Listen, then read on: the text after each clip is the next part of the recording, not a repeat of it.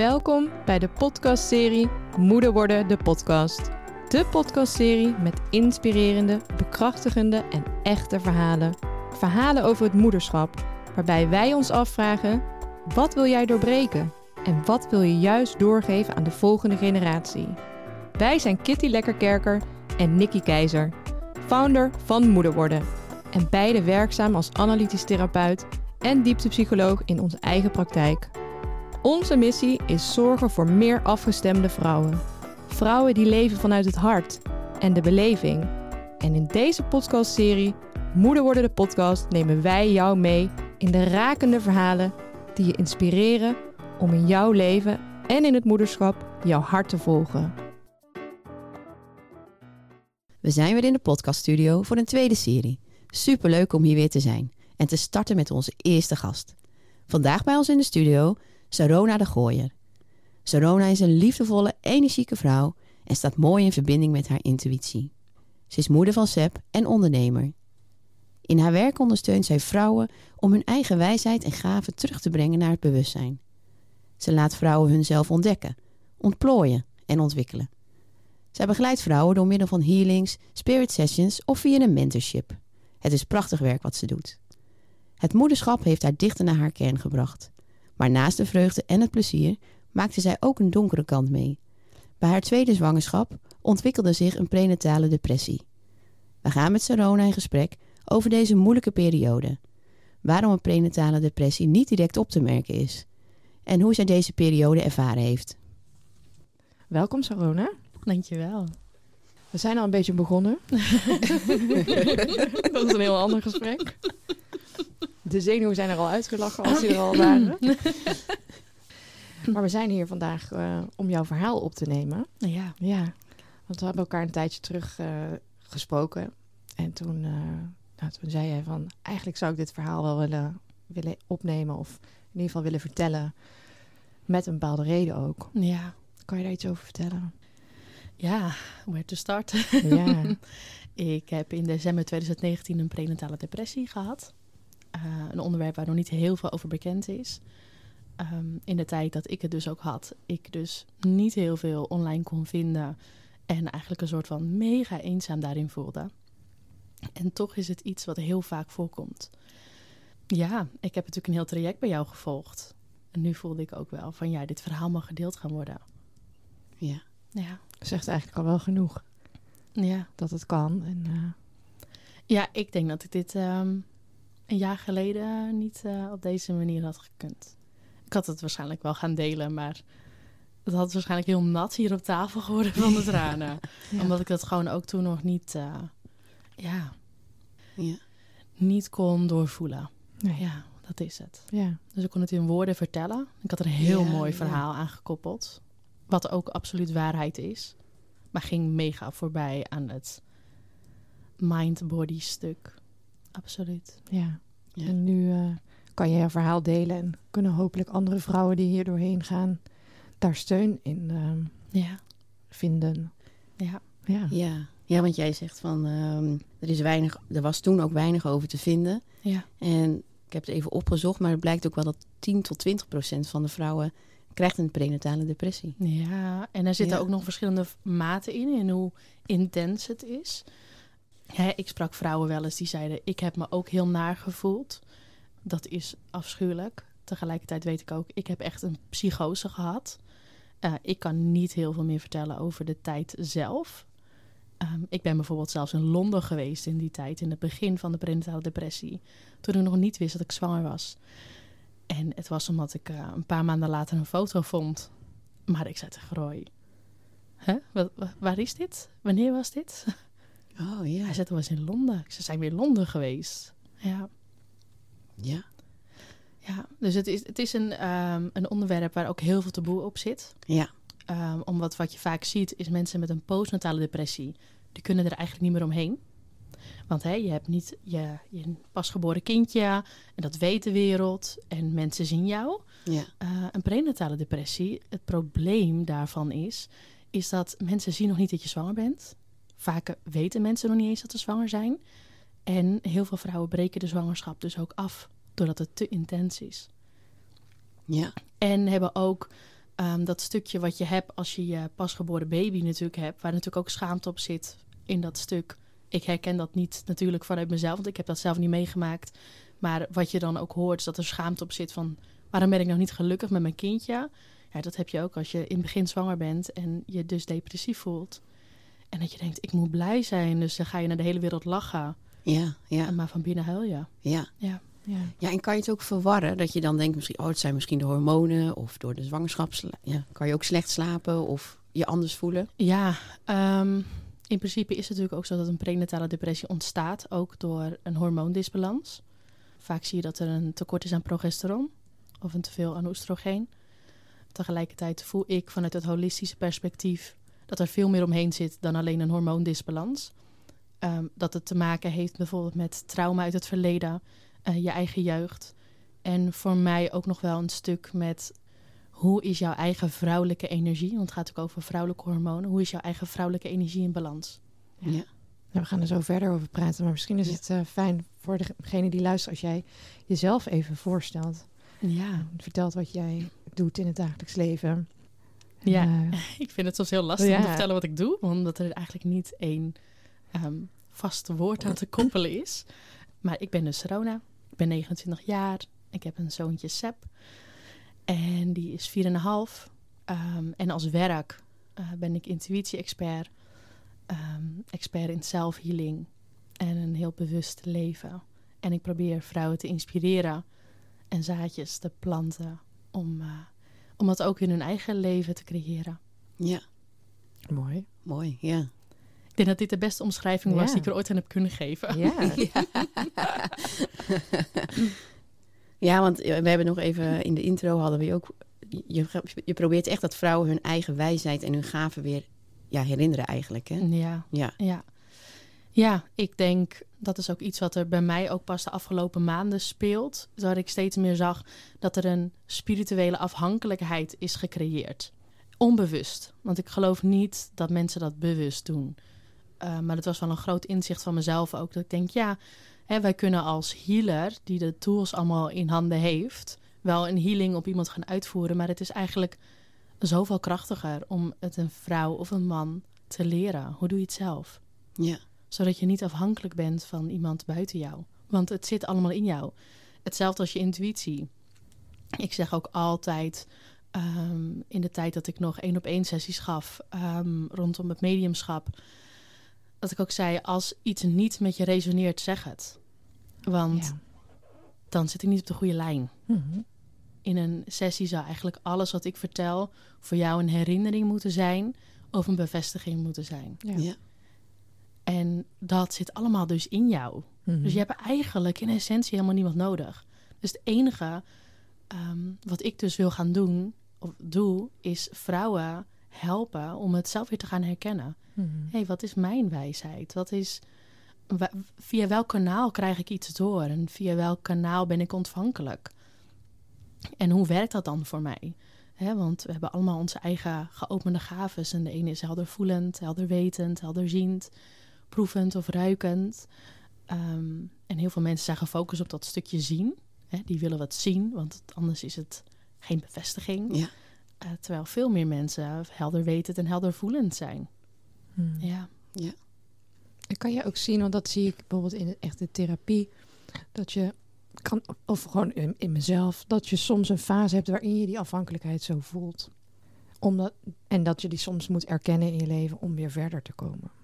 Ja, ik denk ook dat in überhaupt dat hele stukje aan spiritueel ontwikkelen, maar ook op persoonlijk vlak, dat je ook door fases heen gaat. Waarin je dus eerst, ehm, ik zeg altijd, de autonomie even buiten jezelf legt. Van oké, jij weet het, jij bent hier de expert, dus jij moet het doen. Ehm, maar ik zie ook hoeveel mensen zich daarin verder ontwikkelen. Ja, En steeds zelf meer gaan zien van, it was me all the time. ja. ja, Ja. Het was geen moeder ayahuasca, het was geen medium, het was Exact. geen healer. Het is Exact. allemaal in mij, exact. Ja. in mij aanwezig. Ja, Ja. en dat is belangrijk. ja, en ik denk ook dat het dus een hele logische fase is dat je in het begin bij iemand aansluit om het te ontdekken, om het te zien, om de bevestiging te krijgen dat er inderdaad veel meer is dan je fysieke lijf. En dat je naarmate dat proces vordert, zelf ook steeds gaat, dus gaat zien van ja, nee, het, het zit eigenlijk echt allemaal in mij. Ja. En juist doordat er zoveel mensen al zo'n mega ontwikkeling op dit vlak hebben gehad de afgelopen jaren. Hè, mensen zijn bijna ook gedwongen om maar hè, dat stuk van zichzelf te gaan ontwikkelen en te ontdekken. Is het dus nu ook de tijd om dat dus andersom te gaan doen. Oké, laten we dan nu de tools gaan aanreiken van hoe ga je het zelf doen. Hmm. Ja. Ja. Ja, mooi. We stellen eigenlijk iedereen de eerste vraag. Wanneer wist je dat je voor het eerst moeder... Of dat je moeder wilde worden? Wanneer wist je voor het eerst dat je moeder wilde worden? Ik durf het bijna niet te zeggen, maar dat was een maand voordat ik zwanger werd. Ja. Ja, ik heb mijn hele puberteit lang gezegd: ik ga laten werken. En ik vind het leuk om een man te hebben in het weekend. ja. ja, tot wij eh, op Bali waren. En, ehm, en ik had het wel al toen ik mijn man leerde kennen, dat ik dacht... Oh ja, jij kan nog wel eens verwarring in mijn plannen gaan brengen. Jij kan ook wel eens door de week komen. Ja. Jij mag misschien ook wel een keer op maandagavond. en wij toen wel al voelden van... hé, hey, het kriebelt, het kriebelt. En we hadden het er wel over. Uh, ik voelde nog niet in mijn hele lichaam een ja. Tot, tot we op Bali waren. En ik ook echt de energie van Seb al aanwezig voelde. En we zaten in het zwembad. En toen zeiden we, zullen we er gewoon voor gaan? Ja, let's do it. En in mijn optiek, want mijn moeder had er 2,5 jaar over gedaan. Ik denk, nou, dat gaat, uh, dat gaat ongeveer twee jaar duren. Ik was daar gewoon ook op ingesteld. Dus we dachten, we gaan gewoon lekker beginnen en we zien het wel. En ik weet ook vanuit mensen om me heen dat het niet, niet altijd heel makkelijk gaat. Dus ik was daar ook een beetje op die manier op ingesteld. Ja. Um, en toen kwamen we terug uit Bali in eind september. En uh, nou, 5 december kwam ik erachter dat ik, dat ik vier weken zwanger was. Hmm. Ja. Hoe was dat? Ja, toevallig had ik het van de week met Roy nog over. Ik kwam erachter op zijn verjaardag. De avond ervoor hebben we heel veel wijn gedronken. Dus zo'n bewuste moeder was ik op dat moment niet. Want ik was echt helemaal niet bezig met... Oh, ik moet nu mijn lichaam voorbereiden voor. Nee, ik dacht gewoon, het gaat nog hartstikke lang duren. Dus uh, gaan lekker volop genieten. En um, ik werd s'nachts om vier uur wakker. En toen kreeg ik gewoon ingeving, ik ben zwanger. Een soort van story of my life. Ik krijg het gewoon, ik ben zwanger. En ik had toevallig een test liggen van maanden ervoor... waarbij ik dacht, oh nee, ik ben misschien zwanger. En nu lag de test dus met, oh, ik ben misschien zwanger. Oh ja. Een heel ja. ander idee. Ja. En uh, toen had ik om vier uur s'nachts die test gedaan. En ik, ik kon gewoon amper lopen. Dat ik zag dat het positief was. Ik dacht, wow. En ik ben een soort van half trillende slaapkamer die gedaan. Vol het licht aangedaan om vier uur s'nachts. Roy, wakker worden, wakker worden. Ik heb een cadeautje voor je. en hij ging rechtop zitten en ik zeg, ik ben zwanger. En zijn eerste reactie was, maar dan hebben we een nieuwe auto nodig. Heel praktisch. ja, ja. dus zo zaten we op het randje van bed om vier uur s'nachts. Van wow. Ja. ja, let the magic begin. ja, ja, ja, mooi. mooi. En kan je ons meenemen in het, uh, in het verhaal van je tweede zwangerschap en hoe dat is begonnen? Ja, um, nou opnieuw uh, was het het verhaal dat ik dacht dat, ik, dat het heel lang zou duren. Omdat ik een maand ervoor te horen had gekregen dat, uh, dat er kiezers op mijn eierstokken zaten. Waarbij ik het advies kreeg, mocht je ooit een tweede kindje willen, dan uh, mag je gelijk aansluiten in een traject. Nou, ik voelde al aan alles, mm, daar geloof ik niet zo in. Dus uh, dat heb ik toen even voor lief gelaten. En toen zeiden tegen elkaar, nou, hè, uh, als het dan toch mogelijk heel lang gaat duren, laten we anders gewoon uh, gaan kijken wat er op ontstaat vanuit zichzelf. Want we hadden niet per se de directe wens. Maar een tweede kindje zou heel welkom zijn. Hm. Het was niet een actieve wens op dat moment. En toen hebben we daar eigenlijk gewoon het even losgelaten. En toen uh, waren we er ook helemaal niet mee bezig. En een, twee maanden later, in december, begin december, toen uh, begon ik in één keer slecht te slapen. En ik had geen idee. Dus het was echt een soort van, misschien heb ik stress. Ik had toen nog een eigen holistisch schoonheidssalon. Ik had het best wel druk. En uh, ja, Seb sliep toen ook wel een fase onrustig. Dus ik dacht, misschien is gewoon stress in mijn lichaam. Op een gegeven moment ging het wel slecht slapen en niet slapen. Toen ben ik op een gegeven moment van mij vier, vijf dagen lang wakker geweest. Oh ja. Nou, daar krijg je eigenlijk al spontaan een psychose van. Ja, want dat is ja. echt uh, afschuwelijk. Ja, in combinatie met mijn gaven was dat ook niet per se heel fijn. Want ik uh, ging natuurlijk naar een wat lagere frequentie, tapte ook in op andere kanalen. Waardoor ik niet alleen licht zag, uh, maar ook uh, energieën die, die mij niet dienen. En dat was in de nacht, alleen. En de jongens sliepen. En dat was heel angstig, heel eng. Heb ik dus uiteindelijk ook een slaapangst aan overgehouden. En dat ging eigenlijk een tijdje zo door. En ik werd dus ook steeds zwakker en zwakker. En ik voelde me steeds slechter worden. En ik kan me nog wel herinneren dat ik s'avonds op de bank zat. Of in de nacht. En een jongen sliep. Het was echt een uurtje of half drie. En dat je zo gefrustreerd bent. En zo moe. En zo in die waan zit van zo'n psychose. Dat ik echt dacht, ik kan geen goede moeder meer zijn. En geen goede vrouw. Ik kan nu beter de auto pakken. En gewoon heel hard wegrijden of tegen een boom. Ja, ja, ja. En toen gingen bij mij een belletje rinkelen. En um, toen ben ik ook naar boven gegaan, heb ik mijn man wakker gemaakt. Ik zeg, lief, gaat niet goed. Dit uh, gaat niet de goede kant op. Toen zijn we de volgende dag naar de huisarts geweest. En um, nou, er speelden ondertussen al wat meer klachten bij mij.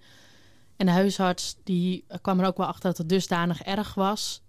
Want ik kon niet meer werken, helemaal niks meer. Uh, dus die had me doorgestuurd naar de GGZ-crisisdienst. Daar zijn we geweest. Ik kreeg uh, om te slapen. Ik had een heel groot oordeel op medicatie, maar als ik nu erop terugdenk, denk ik, ben zo blij dat dat er was. Want het heeft me zo geholpen om eventjes ruimte te maken om dingen helder te kunnen zien. Want niet slapen maakt je gek. Ja. Dus ik heb lorazepam geslikt en... Um, en die was specifiek voor het slapen? Die was specifiek voor het slapen. Ja, hun advies was om het eigenlijk ook de hele dag te slikken. Uh, maar ik voelde wel, ik kan mezelf dragen in die zware emoties, hoe intens het ook is.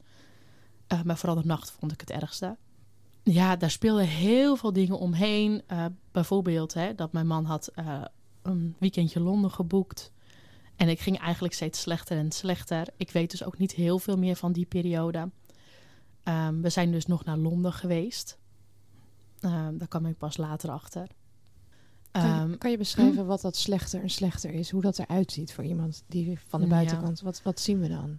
Um, ik kon eigenlijk op sommige dagen niet eens uit bed komen. Dus Roy moest mij onder de douche tillen. Um, dan at ik niet. Ik zag het leven niet meer zitten. Alles was donker.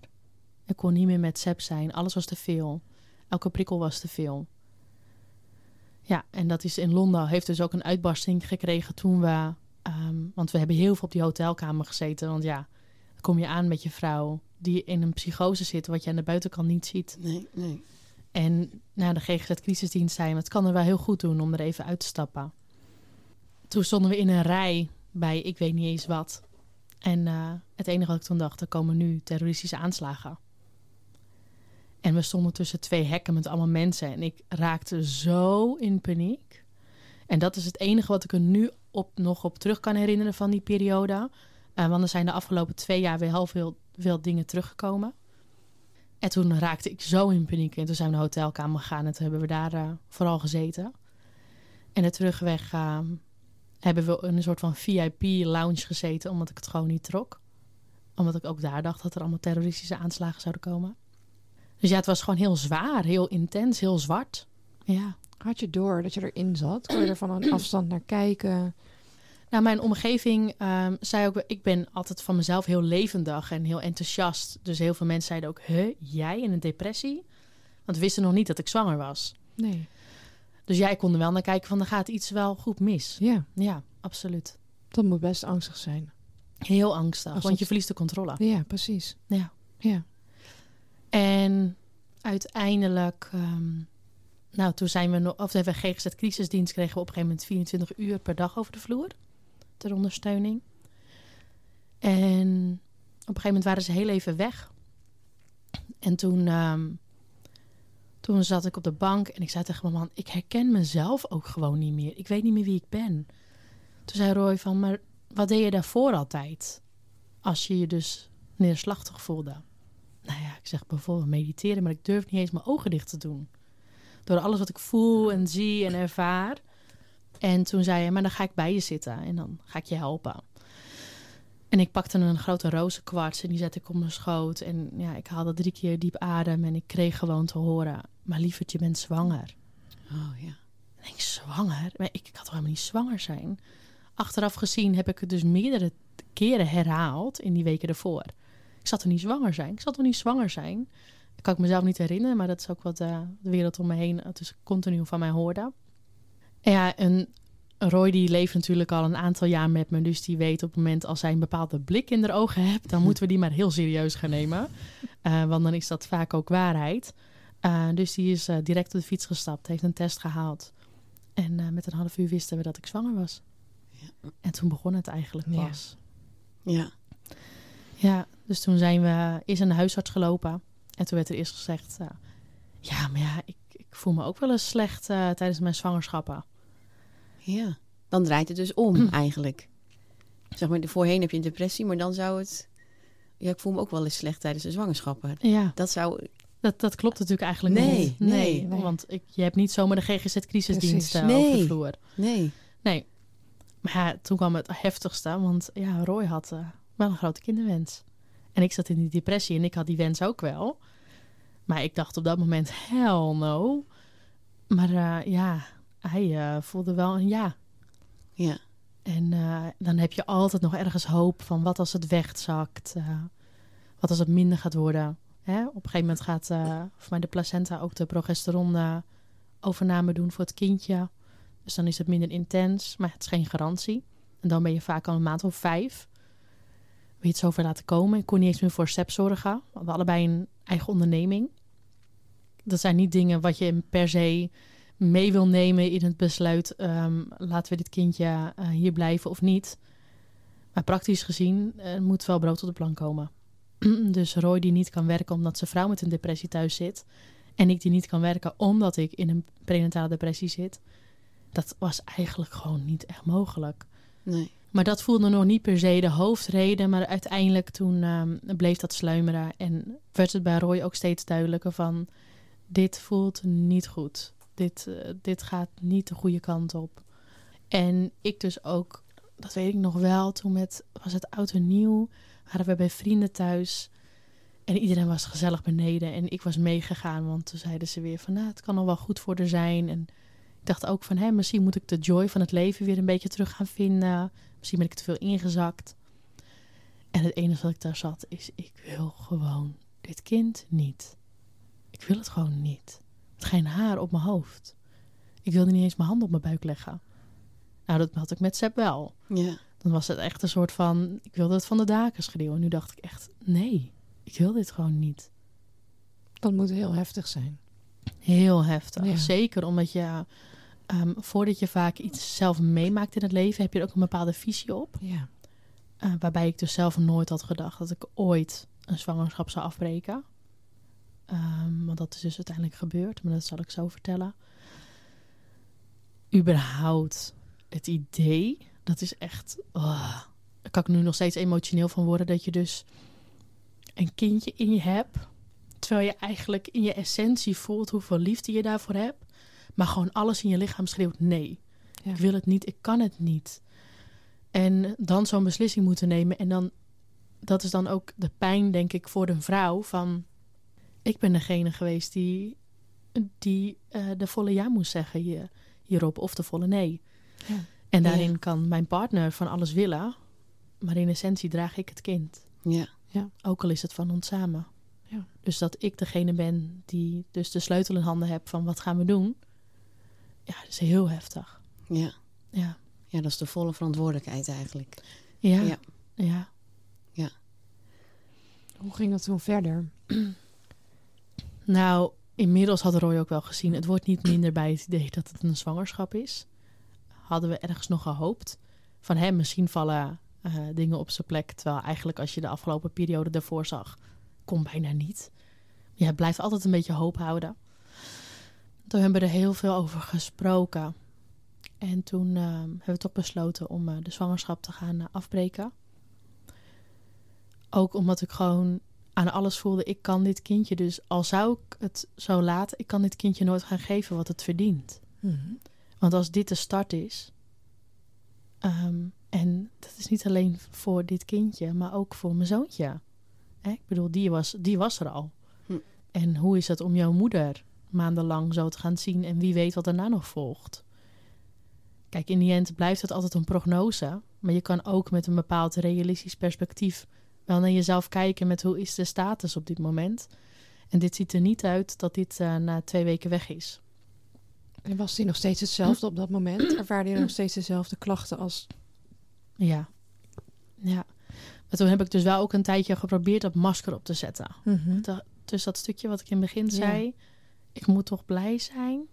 Ja, ja. Ehm, En dus voor ik, de omgeving. ja, dus ik heb echt nog een soort van geprobeerd om een masker op te doen. Maar dat kon echt niet. Het zat echt, het kwam uit mijn tenen gewoon. Ja. Want kon je het delen, dus naast Roy ook misschien met, een, eh, met je omgeving? Ja. Ja, Ja. dat is heel fijn. Ja. Ja, omdat heel veel natuurlijk ook wisten in wat voor situatie ik zat. ja. Ehm, en we hadden ook vrij snel ook mensen in onze omgeving ingelicht van wat er speelde, eh, wat er aan de hand was. Dus we kregen heel veel steun. Ja. En ik heb het ook echt direct ook met iedereen gedeeld van, oh mijn hemel jongens, ik ben zwanger, weet je wel. Eh, ja. ja, Nou, omdat dat misschien nog wel een dilemma kan zijn voor vrouwen. Als je dan zwanger bent, heel je omgeving, Ja. iedereen is blij. eh, maar jij misschien niet. ja, Dus hoe ga je dat delen voor je omgeving? Maar jij hebt dus wel gelijk steun gezocht. Dat is, ja. Nou Ja, heel lastig hoor, want Ja. ehm, ik kan er nu heel makkelijk over praten, maar mijn ouders kunnen er nog steeds emotioneel over worden. ja. Eh, van die zeggen ook wel eens, jeetje, hoe had het geweest als? Giga pijnlijk. Maar ik voelde wel in alles. Het was dusdanig erg dat ik voelde gewoon, we gaan het gewoon niet met z'n drieën op deze manier trekken. Ik moet ondersteuning hebben. En ik ook wel op zich redelijk makkelijk ben met hulpvragen. Ja. Ja, dus ik, ik had er niet heel veel moeite mee om dat direct te doen. En ik denk ook dat dat zo helend is om als vrouwen te doen. Als er zo'n situatie speelt. Is we kunnen het in ons hoofd heel erg gaan maken en gaan bedenken wat mensen zouden zeggen. Hoe, hoe mensen reageren.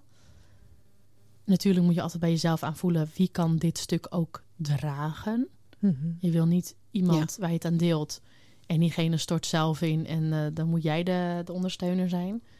Nou heb ik een, een heel fijn netwerk aan vrouwen om me heen eh, die ook allemaal zelf wat verder ontwikkeld op dat vlak waren. Ja, en ook gelijk tegen mij zeiden, ehm lieverd, weet je, het is jouw lichaam. En eh, ik zie wat, wat, wat er nu in jou speelt. En wees blij dat we in, wat was het toen, 2019, leven. En dat we dus de, de eigen eh, beschikking hebben over ons lichaam en zelf keuzes mogen maken. Ja. Dat was de voornamelijkste reactie die ik terugkreeg. En natuurlijk heb ik ook reacties gekregen, hè, zoals mijn ouders die verdrietig waren. En ook die, je ziet gewoon op het moment dat je het echt kan delen vanuit je eigen verdriet. Dat je kan laten zien van, hé, hey, ik zit hier echt mee. Ik denk niet dat, dat als mensen van je houden, daar een reactie op kunnen geven. ehm, die nog kwetsender kunnen zijn. Ja. Ja, want als je het allemaal alleen wil doen, dan lijkt me dat eenzame gevoel, wat al zo sterk is, steeds sterker te worden. Ik denk dat het alleen maar traumatischer wordt. Ja, Op het moment dat je het alleen gaat doen, ik denk oprecht dat het nog traumatischer wordt. ja, Ja. Ja. En toen? Toen hebben we eerst een afspraak gemaakt bij de huisarts. Vervolgens doorverwezen naar de abortuskliniek. Dat was heel pijnlijk. Dat je daar aankomt en dan zit je in een wachtruimte.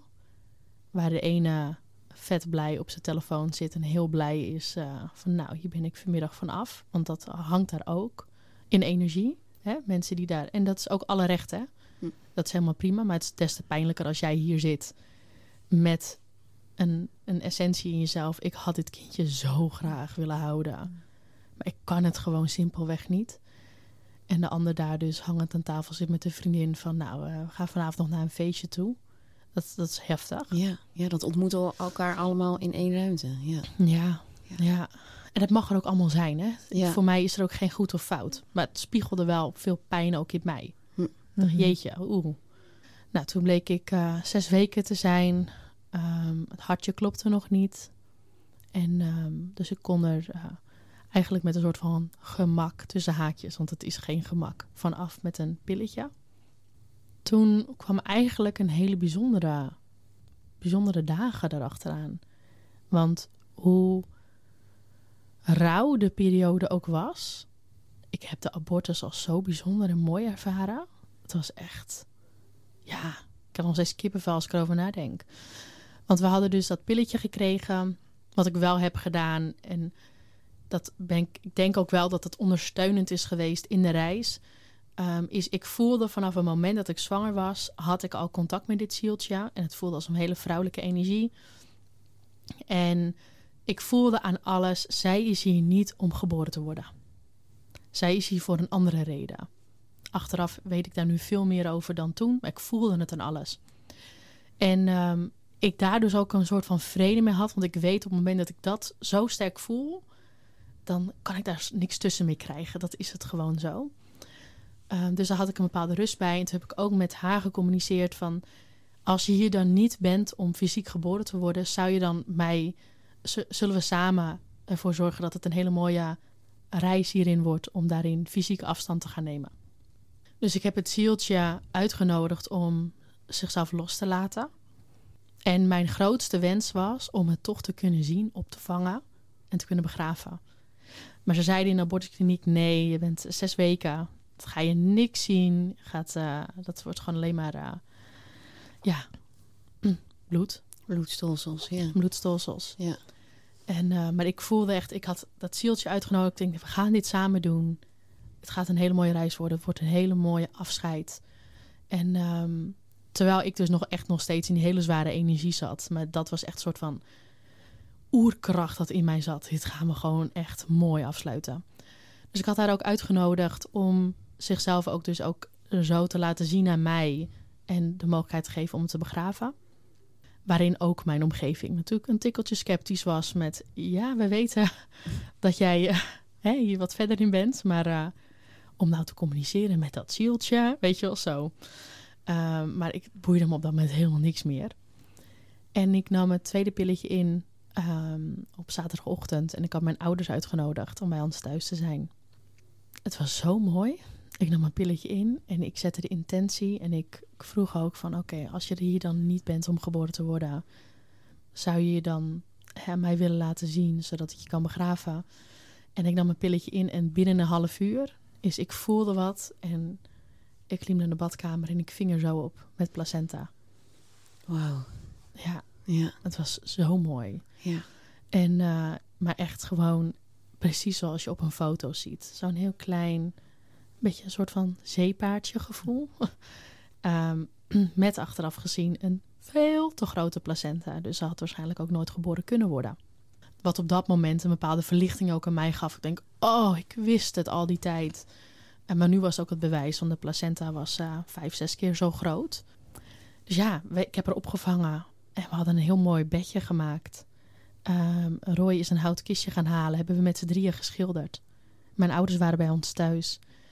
En uh, die waren lekker... Uh, was een salade voor mijn moeder. Was, mijn moeder was salade aan het maken. En wij waren dat doosje aan het beschilderen. Toen hebben we er nog 24 uur lang op tafel gehad. Uh, mijn vader werkte in de uitvaart. Dus die wist een beetje hoe dat we de koel moesten houden. En ja, het klinkt heel gek misschien. Maar het was zo mooi. Mijn broertje is nog langs geweest. Heb afscheid genomen. Mijn ouders hebben afscheid genomen. Wij hebben afscheid genomen. Het was een, het is heel raar om te zeggen, want het is, het is rauw, het is luguber. Het is iets waar je helemaal niet mee bezig wil zijn. Maar ik heb eigenlijk gewoon weinig zulke mooie dingen meegemaakt als dat. Het was zo magisch. De magie hing gewoon door het hele huis heen. En haar aanwezigheid voelde ook iedereen. Um, ja. hè, mijn vader is healer, dus is ook hè, met een hoger bewustzijn bezig. Die voelde haar energie. Mijn man voelde het. Um, het was magisch. Het was zo mooi. En uiteindelijk hebben we er uh, de dag erna uh, begraven in de tuin. En het was volle maan. Oh, en ja. dus we hebben het het maankindje genoemd. En uh, een mooi doosje ingepakt. Roy en ik hadden een, of Roy had een gat gemaakt en ik stond ernaast en wij waren in tranen. En uh, Seb vroeg, mag ik het maankindje dan in het doosje zo in het gat doen? Ik zei, nou, dat is goed. En uh, Roy en ik stonden daar te huilen. En nou ja, we braken natuurlijk helemaal, want dat was natuurlijk echt een soort van laatste afscheidsgevoel. Terwijl het in essentie pas echt de start was voor mij om het diepere contact met haar te krijgen. Ze hebben altijd het doosje vast en die gooit dat doosje in dat gat. Dat doosje valt ondersteboven, klepje gaat eraf, al, vooral prut. Oh. En wij keken elkaar aan. Hij zegt, zo, zullen we nu weer gaan spelen? Oh, ja. En wat voor mij, dat, het was even, ik zat echt zo van, ah, wat doe je? Maar tegelijkertijd was het zo'n mooi samenkomen van, van het leven. Van de joy die altijd in een kind aanwezig is. En die dus ook gewoon voelt, ja, we hebben iets heel moois meegedaan en nu is het klaar. Ja. En wij soms zo heel lang kunnen blijven hangen. Uh, en die gewoon een veel snellere release heeft. Hij heeft staan schreeuwen en staan stampen en gehuild. En hij was heel boos. En dat is allemaal uitgekomen. En wij waren allemaal aan het slikken, want het is sociaal gewenst. En er zijn andere mensen om ons heen. Ja, ja en hij ja, had gewoon ja. zijn uitbarsting Ja. gehad. En het moet eigenlijk netjes in de grond, maar hups, het kan ook. Ja. Huppatee, gewoon het kistje erin. Ja. En ehm, dus nou, kiesje nog netjes gemaakt en begraven. Een heel mooi plekje geworden in de tuin. Tussen uh, on- al onze groenten op dit moment. Want we hebben nu een hele moestuin bij onze tuin gemaakt. Ja. Dus zij, zij staat daar uh, mooi onder het kersenboompje. Ja, toen begon eigenlijk pas de magische kant. Vanaf Ja. het moment van de abortus. Ja. Vertel. Ja, ja. Ehm, wij hadden al die tijd hadden we het over het zieltje. Ehm, en toen gaf zij mij al gelijk het verzoek van ik ben nu ook onderdeel van jullie. Hè? Energetisch gezien is ze nu ook onderdeel van onze familielijn, van onze stamboom, van onze familieopstelling. Daar is zij een onderdeel van. ja. Eh, dus ook voor Seb. Eh, ik voelde ook vanaf dag één, ik ga hem altijd hierin blijven betrekken.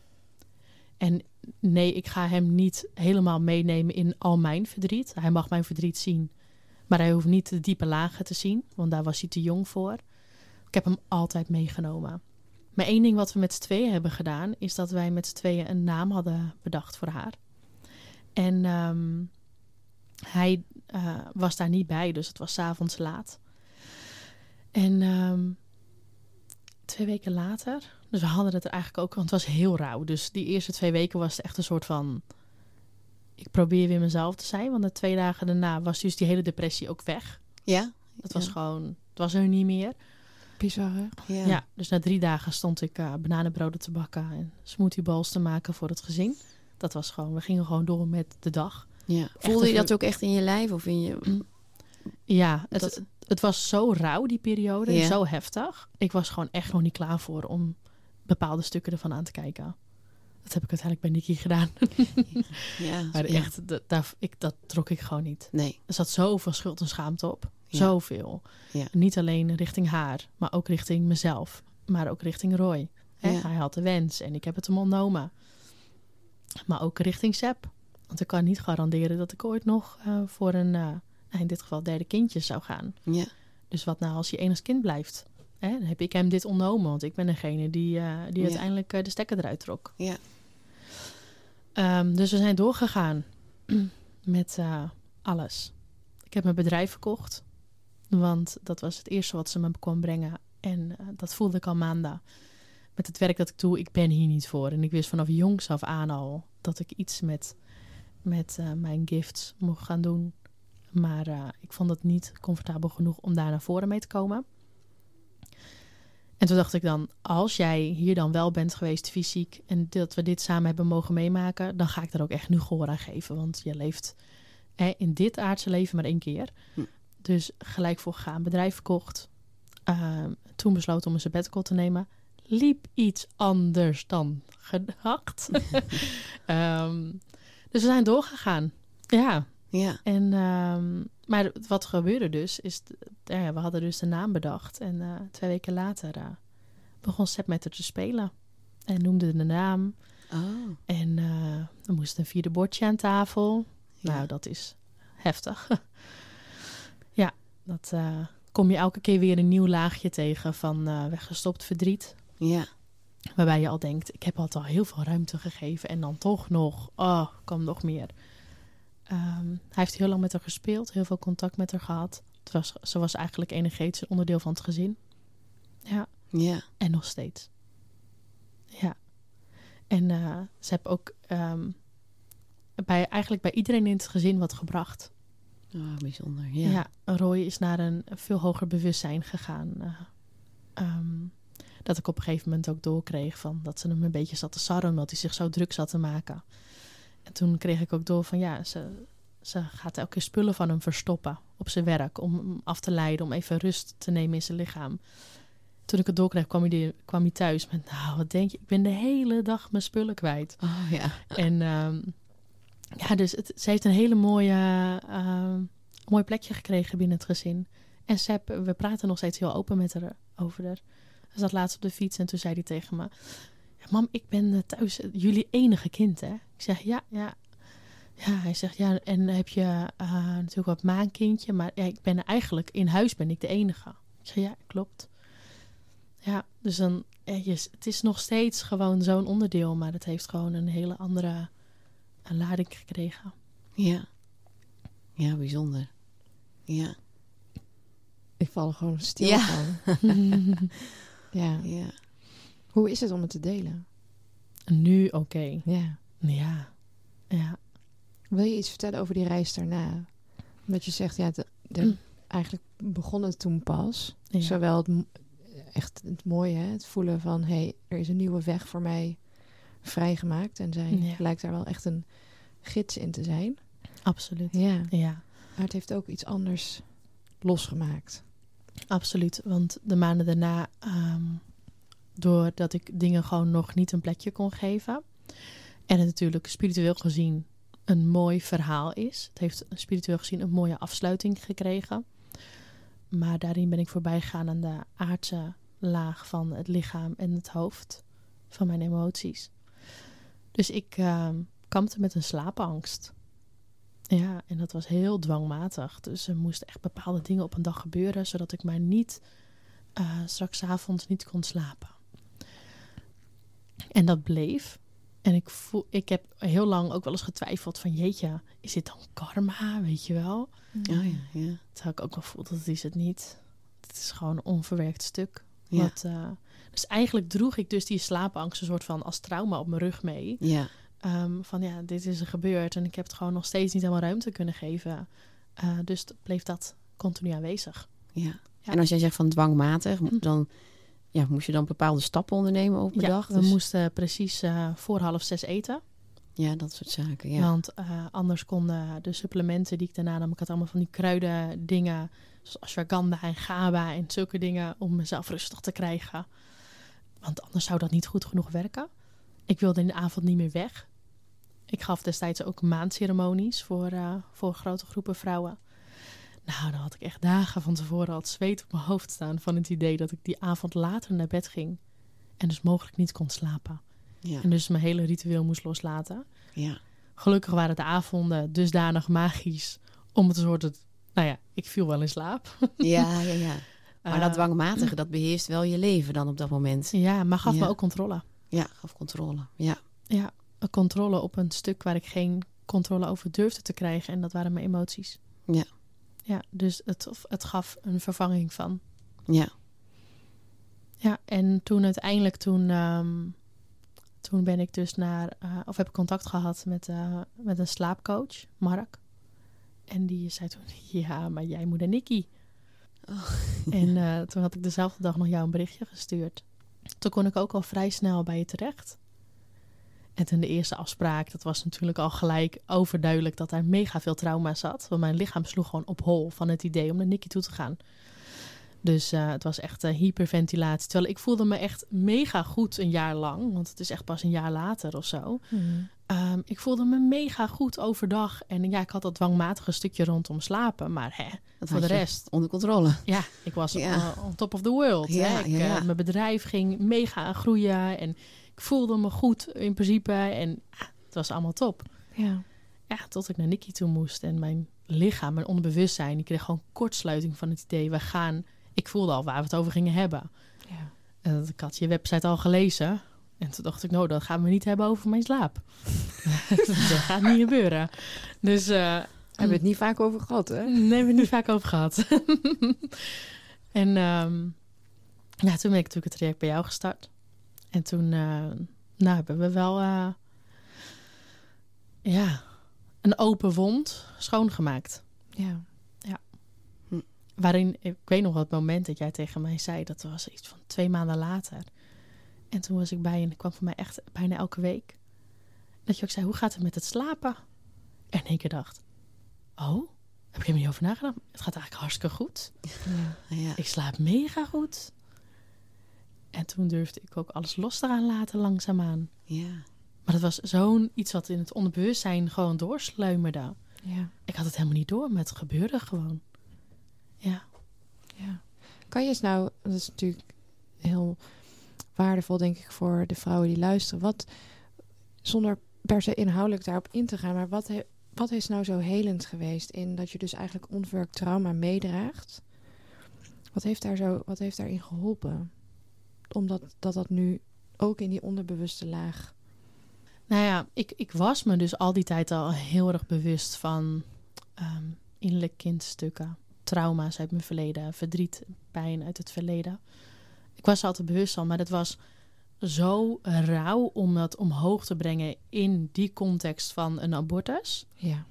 dat mijn hele bewustzijn gewoon dat helemaal wegschoof. Dus ik heb ook werkelijk waar, terwijl ik dat, dat was gewoon iets waar ik dagelijks mee bezig was, geen seconde over na had gedacht dat die slaapangst, dat dat ook aan gekoppeld was. Ja. En toen ik bij jou startte, toen begon jij ook vragen te stellen over mijn jeugd. En we dus eigenlijk dat aan het ontvouwen waren. En ik in principe niet gelijk door had van wat gaat dit bijdragen aan mijn slaap. Ja. Maar het, het ontvouwde zich zo, waarin ik dus gewoon die laagjes die je dus al vanaf je jeugd in je meeneemt en opbouwt. En alle kapseltjes die je om je heen opbouwt uit bescherming. eh, ja, worden heel liefdevol eh, weggehaald. Mhm. Doordat het wordt gezien. ja. En gezien in een hele liefdevolle, veilige setting. Hm. En ik denk dat dat het meest helende is wat je kunt doen. Mhm. In een hele veilige, liefdevolle setting gaan praten over wat er in jou speelt. En daar geen oordeel op terugkrijgen, maar liefdevolle reflectie. ja. Ja. Als je dit dan koppelt aan het afhankelijke hè, in het begin, wat je vertelt, hè, dan, zit hier, dan zit hier dat stukje in, denk ik, of niet? Dat je even in een afhankelijkheidspositie moet Ja, om vervolgens absoluut. weer verder te kunnen. Ja en nee, want tegelijkertijd denk ik ook... ehm, jij hebt nooit antwoorden bij mij neergelegd. Nee. Nee. Te, echt wel met irritatie van mij. Geef gewoon antwoord, Nikki. Ja. Geef gewoon antwoord. Ga me niet nog iets terugvragen. Ja. Als de Ehm, weerstand op zit, dan Ja, daar zit de groei. Ja, Ja. ja, ja. Ja. En ehm, dus ik, ik toch voelt het wel anders. Ja. Want ik denk dat in het vorm van bijvoorbeeld iemand een healing geven, ehm, gaat iemand liggen, ontvangt Ja. Ja. en weten niet wat gebeurt er nu in essentie in energie. Ja. Ehm, heel veel mensen integreren ook niet. Dat heb ik heel vaak gezien met groepshealingen. Hè, dat mensen de avond ervoor een vrijgezellenfeestje hadden en de ochtend daarna een, eh, een healing bij mij volgen. En daarna gewoon met de kinderen eh, de hele dag de hoort op gaan en vergeten wat ze die ochtend hebben gedaan. Ja. Dus er zit geen integratie en daarmee ontwikkel je, eh, is niet heel gewenst om te zeggen, spirituele luiheid. Dus we willen dat het allemaal voor ons gefixt wordt. Ja. Hetzelfde. Ja, ja, Eigenlijk werkt het bijna hetzelfde als medicatie. Ja. Ja. Ja. We nemen iets zodat het voor ons wordt opgelost. Ja. En eigenlijk ben ik dus gaan inzien dat dit gewoon een onderdeel daarvan is. Ja. Healing aan iemand geven. Ja. Ja. En ik denk wel dat er natuurlijk altijd een nuance in zit. Zeker. Stel je nou voor dat jij midden in een depressie zit. Of eh, welke situatie dan ook waarin je dus gewoon niet de mogelijkheid hebt Exact. om het op dat moment te integreren. Ja. Dan is het super fijn als iemand je Ja. daarop kan helpen. Ja. Maar 99% van de tijd zitten mensen daar niet in op het moment dat ze een healing volgen. Nee, dat Nee. klopt. Nee, want zou je dat nog... ehm, toen je in de, in de prenatale depressie zat... dan had je natuurlijk steun en hulp van je omgeving. Ja. Maar wat zou je, kun je vrouwen daar iets in aanraden om, om hulp te zoeken? Of, ehm, kijk, je gaat naar de huisarts, maar zou je zeggen... Hey, er zijn ook nog andere mogelijkheden? Of kun je dat dragen in zo'n depressie? Vind ik lastig. Ja. Omdat vooraf had ik nu een hele hoop antwoorden gegeven. Nee, ga naar dit, ga naar dat, ga naar een homeopaat. Ja. Uh, maar op het moment dat je erin stapt, terwijl wij als gezin vrijwel nooit bij een huisarts komen en altijd eerst naar een homeopaat gaan of naar een alternatieve geneeswijze, ook toen in dat moment zo in een de here of the moment echt gewoon geen boodschap daaraan hadden en alleen dachten we moeten nu geholpen worden. Ja. En daarin denk ik dus ook met bijvoorbeeld lorazepam, wat ik heb geslikt. Het heeft me zoveel ruimte gegeven. Ik denk wel, waar het wel in misgaat, is dat niet iedereen de, eh, het eigenaarschap neemt om daarna ook te zeggen: het heeft me nu geholpen. En nu krijg ik ruimte om te Ja. gaan werken aan wat daaronder zit. Ja. En dat zie je bijvoorbeeld ook met depressie. Ja. Hè, mensen nemen het bijvoorbeeld om zich beter te voelen, maar werken niet in de tijd dat ze zich beter voelen aan de oplossing van het probleem. Ja. Ja. Maar blijven het nemen.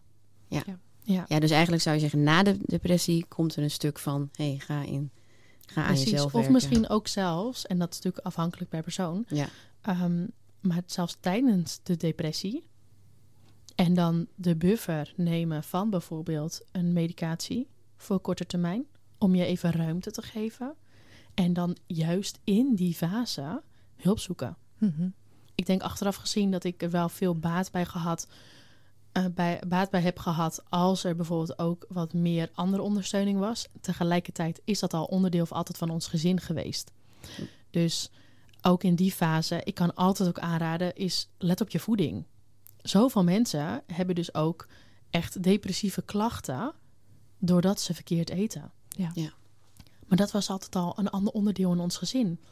Dus mijn moeder kwam juist bij ons helpen, zodat ik wel tussenmiddag mijn salade kon eten. ja zo en ja. Soep kon eten. Dat ik voldoende eh, voedingsstoffen binnenkreeg. Ja. Anders wordt mijn lichaam nog meer uitgeput. Ja. Dus ik denk dat dat heel belangrijk is. En daarin dus altijd belangrijk om uit te reiken naar mensen. ja, Om Ja. te vragen, help me alsjeblieft. Hè, ik wil wel voor mijn lichaam blijven zorgen. Ik heb ook in die prenatale depressie magnesiumbadjes genomen. Ja, Dus, en ik denk wel dat dat het super fijn is om dat een onderdeel te laten zijn van een proces waar je in zit. ja, ja. Ja. Ja, en dat we om, je stipte het ook heel even aan. Je kunt dus ook echt wel snel denken: ach, het is de zwangerschap. Ja, En eh, daarom is het denk ik ook goed om toch ook naar de huisarts te gaan. Of dat het Absoluut. ergens geconcludeerd wordt van: hé, hey, dit is wel eh, een prenatale depressie. Ja, Dat je dat Ja. echt wel mag eh, voelen als vrouw van: hé, hey, ga ervoor. Wij, ja. Ehm, ja ik ja, zeg het niet ik bij je. geloof niet in een, een, ik geloof niet in een prognose, wel in een diagnose. En een diagnose is eigenlijk, zie ik dus niet als een ziekte, maar als een verzamelwoord voor meerdere symptomen die jij op dat moment ervaart. Die is anders verhullen in de kern. Ja, ja, Ja. Ja. ja, ja en dat voelde ik al gelijk. Ja. Want ik Ja. wist ook, ehm, het gebeurt mij niet zomaar. Nee. En ik denk dat, dat je daarin was je eigenlijk al ook in de depressie afgestemd. Mega. Precies.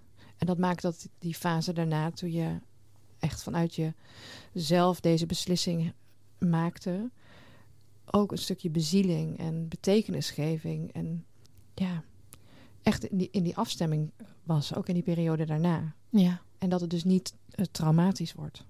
ja, ja, absoluut. Ik, ik heb altijd het holistische perspectief erbij geschoven.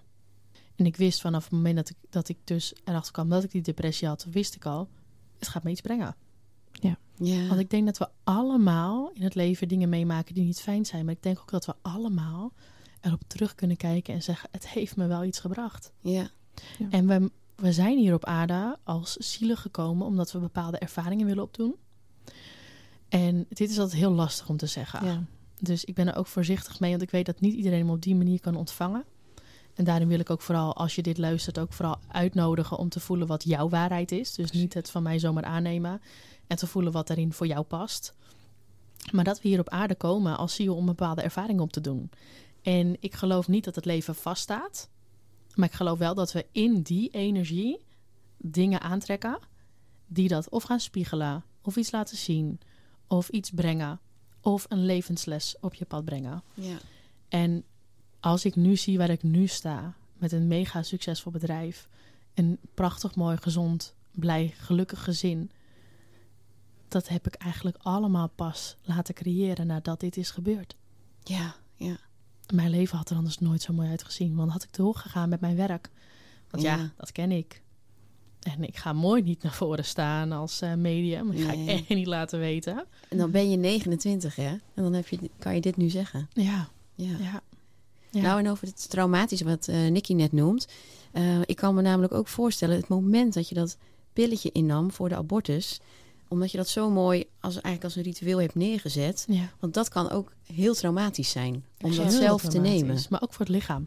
Ja, Dus Precies. niet alleen voor het hoofd, Nee, precies. Ja. voor het spirituele lichaam, maar Ja. ook echt voor het fysieke lichaam. Precies. ja, Dus ik heb ook echt gevisualiseerd tijdens dat ik het innam, dat er allemaal licht in mij kwam. ja, ja. Exact. En ik heb mezelf, mezelf in het kanaal van, ja. van de bron gezet. Ik heb het licht om me heen laten schijnen. Ik heb ehm, bepaalde engelen aangevraagd om mij te ondersteunen op dat proces. Dus ik heb hem echt, het was bijna een ceremonie. Daarom. Precies. Ja, Ik had het opgeschreven, hè? Die, die magie. Ik denk dat het daar gewoon echt aan ontbreekt in de, in de diepgaande processen die Ja. wij als mens doormaken. Dat Ja. we vergeten dat er zoveel meer is wat we kunnen aanroepen of wat we ter ondersteuning of als intentie kunnen zetten bij het doormaken van in de aardse realiteit pijnlijke processen. Absoluut. Ja. En dat is lastig. Want ik zal eerlijk zijn, midden in die prenatale depressie dacht ik ook... Yo, ik heb echt geen zin in al die stenen om me heen op dit moment, weet je wel. En ga ik nu echt het licht aanvragen? Ik voel hem echt niet. nee. Natuurlijk gaat het ook door mijn hoofd heen. Ja. Ik ben ook gewoon mens. Ja. Ik Ja. ben niet een soort van heilig goedje dat dan een soort van mega afgestemd is en alles gaat er zo vlekkeloos af. Nou, Nee. absoluut niet. Nee, nee, nee. Ik voelde het ook, maar tegelijkertijd, doordat ik die bedding heb, wist ik heel goed hoe het wel werkt. Ja. Ja, en dan En- kan je zelfs door, door die zure appel heen denken, ik doe het toch maar. Of Ja, Nou ja, kijk, of je staat misschien wel alleen of met je partner in de badkamer. Je neemt dat pilletje en zo, hè? En Ja. nu, dat, dit is zo'n verschil. Want, maar goed, je moet wel... We hebben misschien veel vrouwen ook de kennis niet van dit soort rituelen bewijs Absoluut. van. Het wordt je niet meegegeven in de abortuskliniek van nou doe maar zo. Of kijk eens, je kan er ook Ja. een ritueel van maken. ja, Hoe pijnlijk ook. ja, ja. Ja.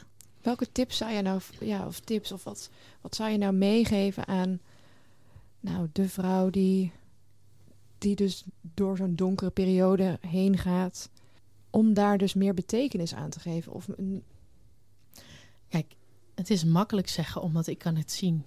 Maar als ik één ding kan meegeven aan iedereen en elke keer als ik weer ah, het wil zeggen, dan krijg ik ook kippenvel over mijn lichaam. Je wordt zo gedragen.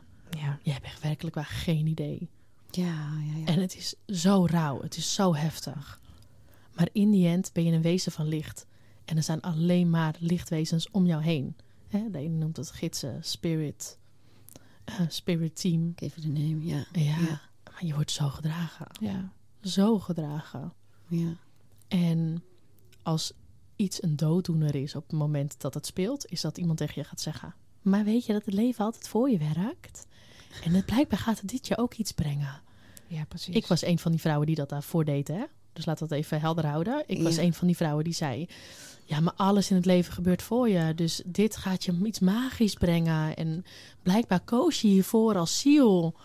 Dacht ik echt: Ja, jongens, alsjeblieft, hoepel op. ja. Ja, ja, ja. Maar dan, ga, dan is de timing is zo slecht. Ja, Je gaat zo voorbij aan wat er op dat moment is in de realiteit. Ja, maar ik denk wel, want ik had het daarvoor altijd gezegd. Ik kon het op dat moment niet van andere mensen horen. Maar doordat ik het wist, heeft het me altijd ruimte gegeven in die fase. Ja. Omdat ik het wist. Ik wist aan alles dat er blijkbaar iets heel moois uit mag gaan komen. Ja, Dat gaat ook over vertrouwen. Ja, dus ik denk dat het alleen maar krachtiger is om het juist nu wel te vertellen. Want wie weet zit iemand niet in zo'n fase, maar komt ooit in een fase of het nou een prenatale depressie is, of een überhaupt een depressie, of een hele donkere periode. Maar dat je gewoon zo'n zielswijsheid hebt. Ik word altijd gedragen. Altijd. En Ja. er wordt altijd voor mij gezorgd. Nou, ik herken dat wel, maar in, ik, heb dat, ik heb het ook wel eens, dat, dan, dan neemt mijn hoofd het toch over. Ja, Dan weet je gewoon, het komt goed. Maar goed, dan dat hoofd, die controle. ja, en dat had ik toen ook, hè? Ja. Dus ik voelde die donkerte in mijn lijf en ik dacht, er is echt geen boodschap aan. En Ja, toch zo, wel gedaan. ja. Ehm, omdat ik weet dat je hoeft het alleen aan te vragen. Ja. Het enige wat je hoeft te doen is, en je mag het God noemen, je mag het spirit noemen, de bron, source, eh, het Ja. universum. Ehm, maar rijk uit. Ja, rijk Dus uit. niet alleen op de fysieke laag naar mensen om je heen, maar rijk ook uit naar de energie die om jou heen is. Ja. Ja. Ja. En ik heb het idee dat, maar zeg maar als het niet zo is, maar bij op het moment dat dat overlijden zeg maar eraan zit te komen, Ja. Dat dat ook, ik, ik herinner me de periode van mijn miskraam, maar ook de overlijdens van mijn opa's en oma's waar ik bij was, als, een, als die magische periode. Waar Ja. het en heel donker is, maar waar ook die krachten gewoon heel sterk aanwezig zijn. Ja. En waar het zo voelbaar wordt. Ja. Dat, die gedragenheid, zeg maar. Ik, ik heb zoveel vrouwen altijd gesproken die dus ook zeggen van hè, bijvoorbeeld een abortus of miskraam of inderdaad iemand die is overleden, waarin hoe nuchter ze ook kunnen zijn Ja. en hoeveel ze er ook niet in kunnen geloven. Iedereen voelt magie. Exact. Ja. Alleen iedereen geeft er een ander woord aan. Ja. Ja. Maar iedereen voelt hem. Ja. Iedereen voelt er is zoveel meer dan dit. Exact. Het zijn die kenteringen in het leven. Hè? Ja, en ik denk dus ook, waar ik dus nu achteraf gezien heel dankbaar voor ben, is dat ik in spirit een energie bij me heb, mijn dochter, die ons mega ondersteunt. Ja. Ja. En ik haar altijd naar haar kan uitreiken. En ik er ook heel veel moeite mee heb gehad toen ik op een gegeven moment... Ik heb in de beginfase nog gedacht, misschien gaat ze opnieuw incarneren in een volgende zwangerschap. En toen kreeg ik van haar te horen dat het niet de bedoeling was. Mhm. En toen dacht ik, ja, maar toen voelde ik me dus... Dat klinkt een beetje gek, maar ik voelde me afgewezen. Maar hoezo dan niet? We zijn toch een leuk gezin en we hebben nu toch al hè, dit samen zo gedaan. ja. Het was haar boodschap heel duidelijk. Ja, maar ik ben hier niet om fysiek op aarde te komen. Dus ik ben bij jullie in energie aanwezig, in ondersteuning. Net als dat mensen, hè, geliefden van ons komen te overlijden, ook in energie bij ons aanwezig zijn. Ook al incarneren ze opnieuw in jouw energieveld, is altijd hun energie nog aanwezig. Een deel van hun ziel. Als ziel incarneren we nooit helemaal hier op aarde. Dus er blijven altijd zielsdelen van ons ehm, in vorige levens, in, op andere planeten of net waar je zelf in gelooft. En ehm, dat, dat had ik bij haar ook. En toen zij op een gegeven moment dus doorgaf van ja, maar ik ga hier niet bij jou, jullie nu incarneren, maar ik ben wel hier in energie, in ondersteuning. Ja, het was opnieuw rouwen. Ja. Ja. En daarna kregen wij ook het gevoel, ik weet helemaal niet of wij ook nog wel fysiek nog een kindje zouden willen. Ja. Omdat dat verlangen wat we ervoor hadden gewoon weg was. Ja. Ja. En ik dus heel lang, dat heb ik ook tegen jou toen gezegd in het traject van... Ik denk dat ik dus geen volgend kindje wil omdat dit zo traumatisch was. Maar pas toen ik het hele traject had doorvolgd of gevolgd en helemaal heb beleefd en doorleefd...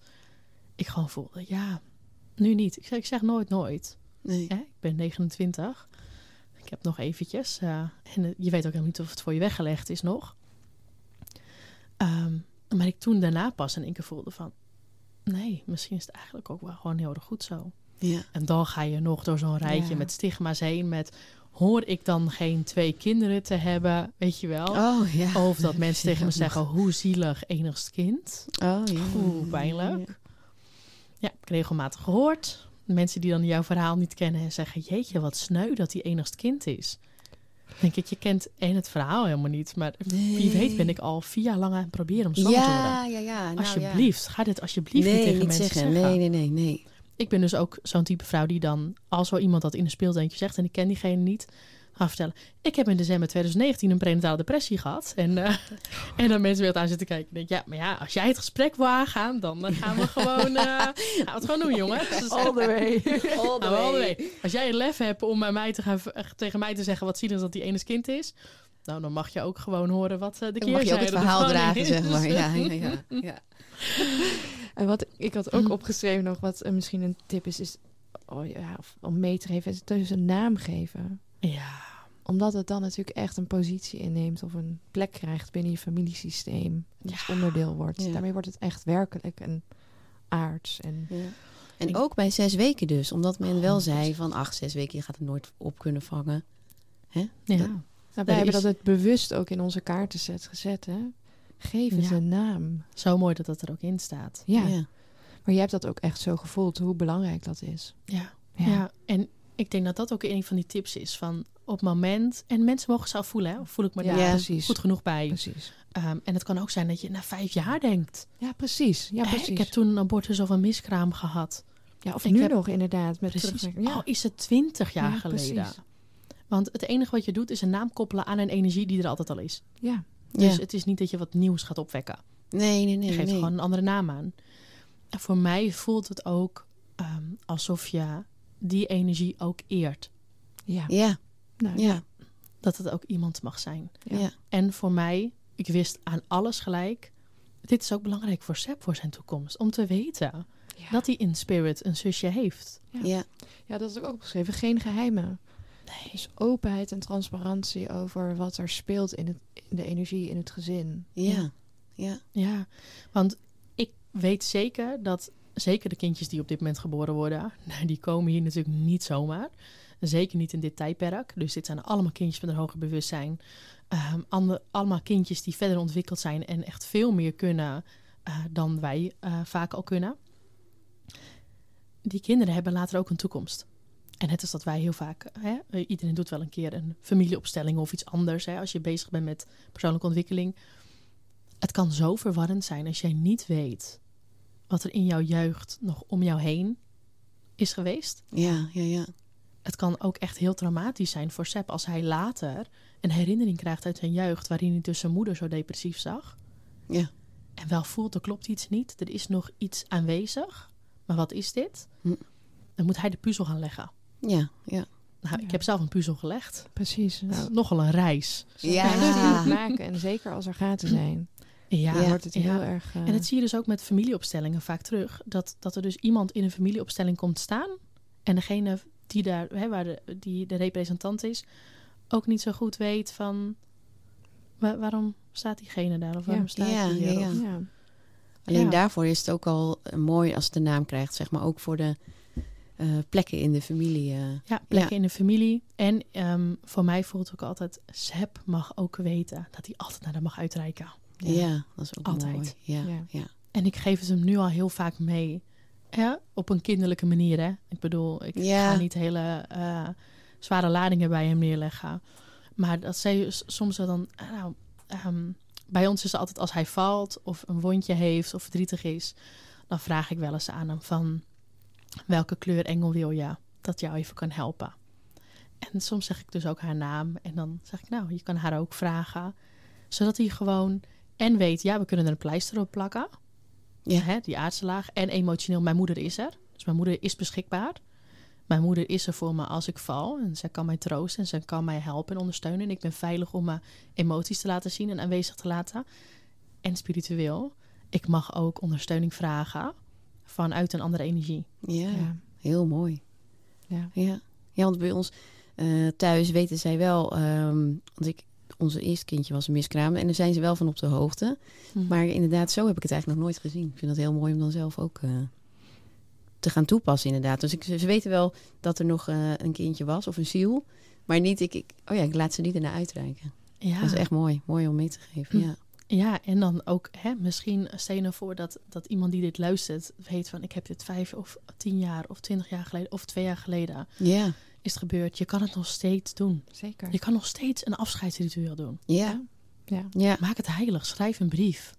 Ehm, geef het een naam. ja, Ehm, koop een mooi cadeautje voor jezelf die daar symbool voor staat. Ja. ja, Ja. Wij hebben toen zo'n van Willow Tree heet dat volgens mij. Van die hele mooie beeldjes gekocht. oh ja, Wij liepen dus door een winkel heen en Seb zag het. En zegt, hé, hey, kijk, daar is het maankindje. En eh, dus toen hebben we dat, het staat dus symbool voor haar. En er zijn echt bizarre dingen met dat beeldje al gebeurd.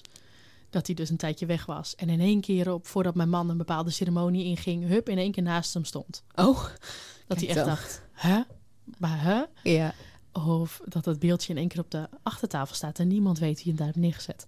Dus het is ook heel leuk om, de- om die speelsheid erin te houden en de magie daarvan. Ja. ja, mooi, heel mooi. heel mooi. Ik ben nog wel benieuwd hoe jij, zeg maar vanuit het nieuwe, de vrouwen begeleidt die bij jou komen.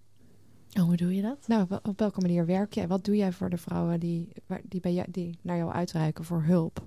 Wat voor, ehm, ja, wat doe jij voor je werk? Zeg maar, vanuit, dit heeft jou heel veel gebracht, hè? En nu zet je dat in, in jouw werk.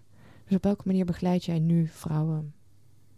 Ik denk dat de kracht bij mij ligt vooral is het terugspiegelen van hun eigen kern en wijsheid. Hmm. Ehm, ik ben dus ook, ook al zie ik als medium van alles en voel ik van alles, krijg ik van alles door, ben ik het nog altijd aan het vertalen op een manier zodat ze de uitnodiging voelen in zichzelf Ja. en het dus ook gaan zien als niet. Kijk, ik zie heel veel vrouwen zich verliezen in spiritualiteit. Heel veel. En ehm, gaan ook heel veel spiritual bypassing doen. Iets wat ik dus ook rondom die abortus heb gedaan. Hè? Dus het is een mooi een spiritueel verhaal. Maar dus mega voorbij gaan aan de aardse laag. Waarin dus mijn hele baarmoeder op slot is gegaan. Mijn hele bek op slot zijn gegaan vanwege trauma. Ehm, en ik dus trauma in me meedroeg. En daar dus ook naar leefde. Zie ik ook heel veel vrouwen zich daarin zo verliezen. In dat stukje spiritualiteit. En dus alleen maar denken dat, ehm, dat alles uh, alleen maar dan draait over. Hè, dus wat ik deed, het heeft een mooi verhaal. Dus ik de rest hoeft niet. En dus vergeten dat ze hier op aarde zijn. Met twee voeten. En dat zijn we niet voor niks. Hm. En daar wil ik mensen ook altijd weer op terughelpen. Ja. Dus ja, ik breng dat stukje spiritualiteit bij mensen in hun leven. En hup, ik trek ze weer terug op aarde. ja. Ja. En kan je vertellen waarom dat nou zo belangrijk is? Ik kan zelf geen goed kanaal zijn op het moment dat ik niet goed geaard ben. Dat is het allereerste. Ten tweede, we zijn hier niet voor niks. Ehm, ik heb misschien nog meer contact met de aarde dan met Source. Dat is mijn bron. Bovendien zit er ook fysiek gezien heel veel ontlading. Ehm, Ik ben ook groot voorstander van is dagelijks op blote voeten lopen. Eh, als je bij mij in het dorp komt, zie je me regelmatig door de Ecoplaza op blote voeten lopen.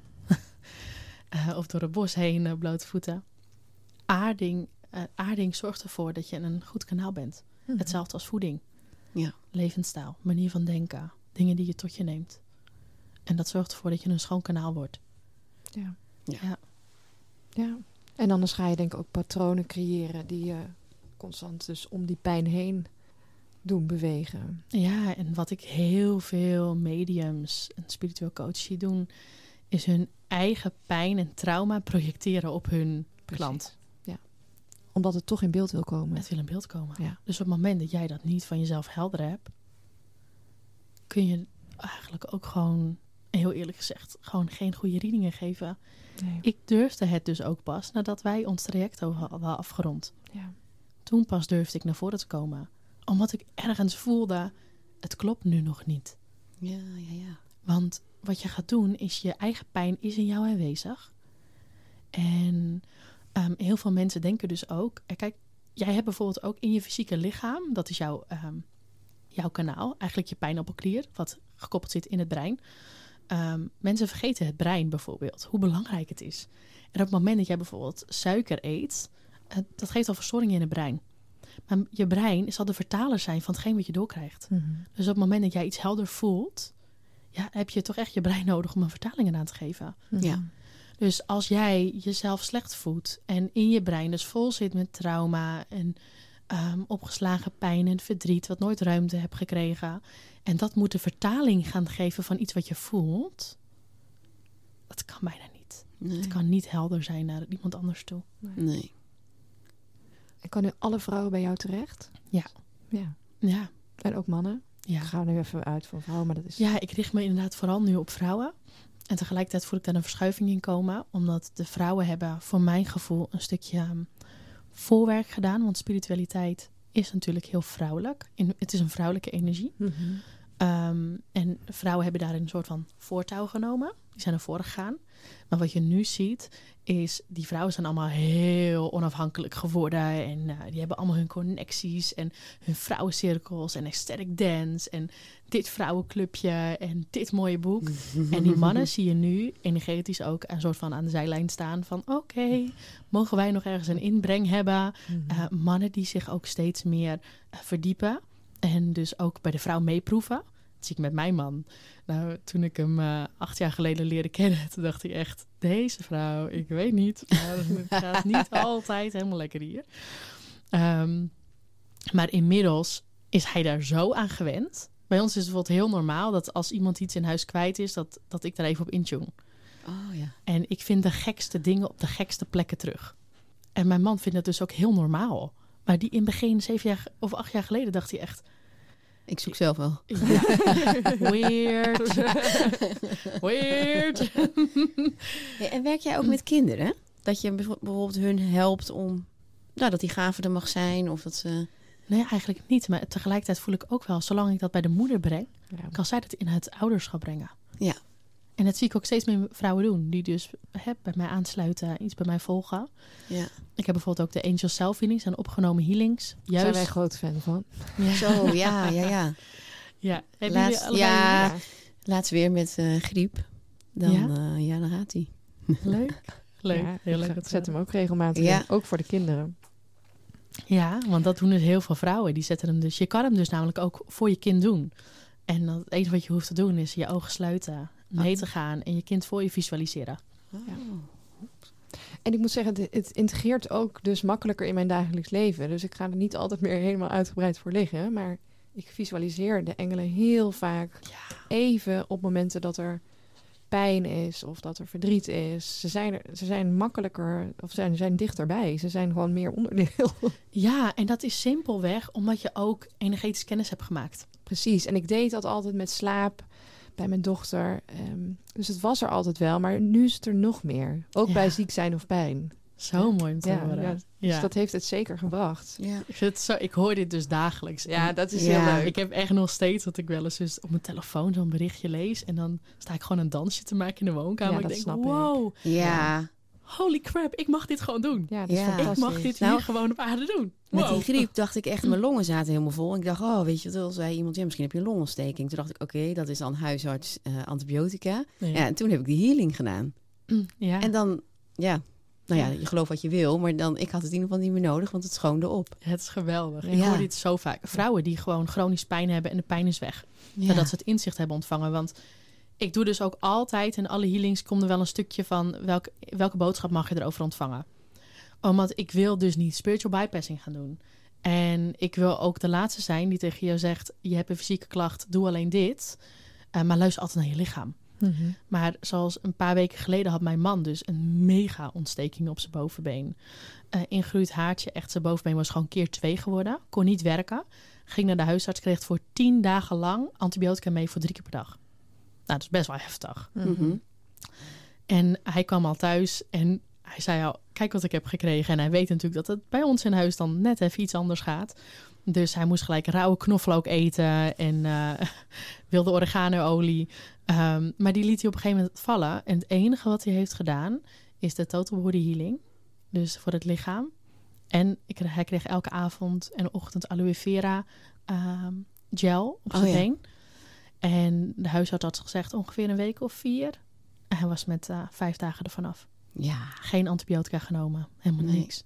Nee. Die rauwe knoflook had hij op een gegeven moment ook maar gelaten. want, Ja. eh, ik ging hem knoffie noemen en dat vond hij niet zo leuk Nee. meer. dus alleen met die total body healing en die Ja. aloe vera. En het idee dat gewoon er zoveel meer mensen... Want er zijn inmiddels duizend mensen die het volgen. Het is echt bizar. Oh ja, ja. Fantastisch. Ja. Dat er zoveel mensen nu het bewustzijn meekrijgen. Ja. En iedereen zijn vrije Ja. weg in... Hoe wil ik het toepassen in mijn leven? Ja. Maar dat je je bewust kan worden dat er zoveel meer is dan dit. Ja. Wauw. ja. Is echt. En laat ik wel vooropstellen, bij mij kwam er wel een stuk verdriet op de longen. Mhm. Tijdens de, dus ik, ik ben daar ook wel doorheen gegaan. Dus soms denk ik wel, het is wel, eh, hè? Dus, eh, Het is geen spiritual Nee, daarom. Nee, het is wel even ook werken. Ja, ja, ja. Ja, ja. en ja. sommigen schrikken er ook van. Ja, Want die hopen dus op dat stukje ik ga liggen en iemand anders gaat het voor mij doen. ja, Maar de longen staan ook voor verdriet. ja. Ja, dus ja, Ja. en die voelde ik ook. En dat, ik denk dus dat, dat doen wij natuurlijk ook exact in ons werk. Dat je wel die, door die bewustwording heen, door die laag, Ja. eh, wat je zegt, het, is, eh, het zit wel in jezelf. En je moet het ook zelf doorheen eigenlijk. Absoluut. Ja. absoluut. Ik Ja. had dus laatst ook een vrouw en toen dacht ik, wauw, dat zij dat gewoon kon zien. Is, ze had dus de healing gedaan. Ehm, ik weet niet meer, voor mij had ze de womb healing gedaan, dus voor de baarmoeder. Ehm, en er kwam dus een inzicht uit. En ze, ze, ze dacht dus niet, ik ga het even zelf fixen. Ze zei tegen me, nu door deze healing voel ik dat ik eindelijk kan uitreiken naar een therapeut. Exact. Ja, Oh, Ja. vrouw. Oh, Precies. echt. Ja. Op mijn knieën voor jou. Ja. Zo goed dat je Ja. dit ziet. Het Ja. is namelijk niet de bedoeling dat het gaat quick fixen. Exact. Het is de bedoeling Dat je dat het inzicht krijgt. En in dat geval hè, had jij dan waarschijnlijk een emotional release. Dus hè, kwamen er veel tranen vrij. Dat is helend. ja, Sommige dingen, als het een dieper trauma is en je komt erachter tijdens een healing, ga alsjeblieft naar een therapeut. Mhm. Ga niet denken, ik hoop nog een healing. nee, zo of ga het thuis oplossen. Ja, Ja, ga Ja. niet een beetje zelf proberen te fixen. Want dat is ook wat ik ook direct meegaf toen ik zei: ik ga stoppen met groepshealingen. Ehm, het is niet zo dat je dus niet meer iemand om hulp kan vragen. Nee, exact. Want alsjeblieft laat je altijd ondersteunen op het moment dat er emotioneel, spiritueel of fysiek problemen bij je zijn waar je zelf niet uitkomt. Ja. Het is wel altijd belangrijk om ook altijd weer vanuit de therapeutrol of de coachrol altijd mee te geven die stukje autonomie, zelfstandigheid en de tools. Ja. Ja. Maar dat is denk ik, en dat vind ik het mooie aan de Jungiaanse therapie, is dat het zo gericht is op het versterken van ehm, het nog niet autonome deel, of het onmachtige deel, of het innerlijk kind. Dat gaat over echt innerlijke, duurzame groei. Ja. En ja, dat zie je natuurlijk bij sommige therapievormen of gewoon de systemen, is dat die ongelijkwaardigheid er te lang in blijft. Ja, dat de Ja. ander jou ook wel even gaat vertellen wat je moet doen. Ja. En ik denk dat er dat, en dat doe je dus, oh, en dat zag ik ook in ons traject, dat je spiegelt hem terug. Dus je geeft mij eigenlijk de uitnodiging om het zelf te ontdekken. Ja. En hoe krachtig maak je iemand dan? Ja. Ja. En dat zijn dan je eigen woorden. Dus Ja, dat, wauw. ja. Ja. Ja. Ja, We hebben nog een eh, laatste item. Doosje van Pandora. Met wat taboe onderwerpen. ik vertelde, we vertelden erover. Toen zei ja, voor mij is niet zo heel veel taboe. nee. Nee, dat is ook mooi. Oh. Dat, is al, dat is eigenlijk al eh, misschien wel eh, winst. Toch? Ja, nee, ik, eh, ik vind niet zo heel veel taboe. Dan mag jij gewoon kijken wat jij... jij mag gewoon... Gewoon eentje uitkiezen? Of, wat jij wil, ja. Sommigen kiezen, sommigen nemen de regie in handen. Anderen die grabbelen. Maar als jij zegt, ja, voor mij is heel weinig taboe. Hoe komt dat, denk je? Dat dat voor jou zo is? Ik denk omdat ik mijn hele leven al een soort van heb afgeweken. ja, precies. afgeweken van de norm. We hadden het ook voor de podcast er natuurlijk al over dat ik dan. Ja, ja, ik heb mijn hele leven lang al dat ik, dat ik net even anders. Ik heb gewoon nooit een bijdrage gehad aan sociaal wenselijk gedrag. Dus ik heb vanaf vrij jonge leeftijd al door het taboes heen moeten werken. Jij was de taboe-doorbreker van de familie. Ja, was niet altijd heel erg leuk hoor. Nee. Oh, ik vind jaloezie wel interessant. Je had ook iets met seksualiteit, toch? Ja. ja. Oh, dan kan- dan komt een glittertje uit. Oh, bij seksualiteit. Allemaal Ja, hier, seksualiteit. Laten we die doen. met glitters. Met glitters. Ja, want seksualiteit... Vind jij dat een taboe onderwerp? En dan Ehm, met name in relatie tot het moederschap, hè? Als je eens moeder wordt of... Vind je dat daar meer over gesproken zou mogen worden? Ja, ik denk dat daar voor mij ehm, meer taboe op hangt dan andere dingen rondom, zoals samen slapen. Ja, ik heb samen geslapen. Met je nog steeds wel ja. eens. Ja, Ja. gelukkig maar. Ja. Ik eh, voelde gewoon al heel snel van, eh, ja, hij, mijn zoontje is met 34 weken geboren, dus hij had gewoon andere behoeften.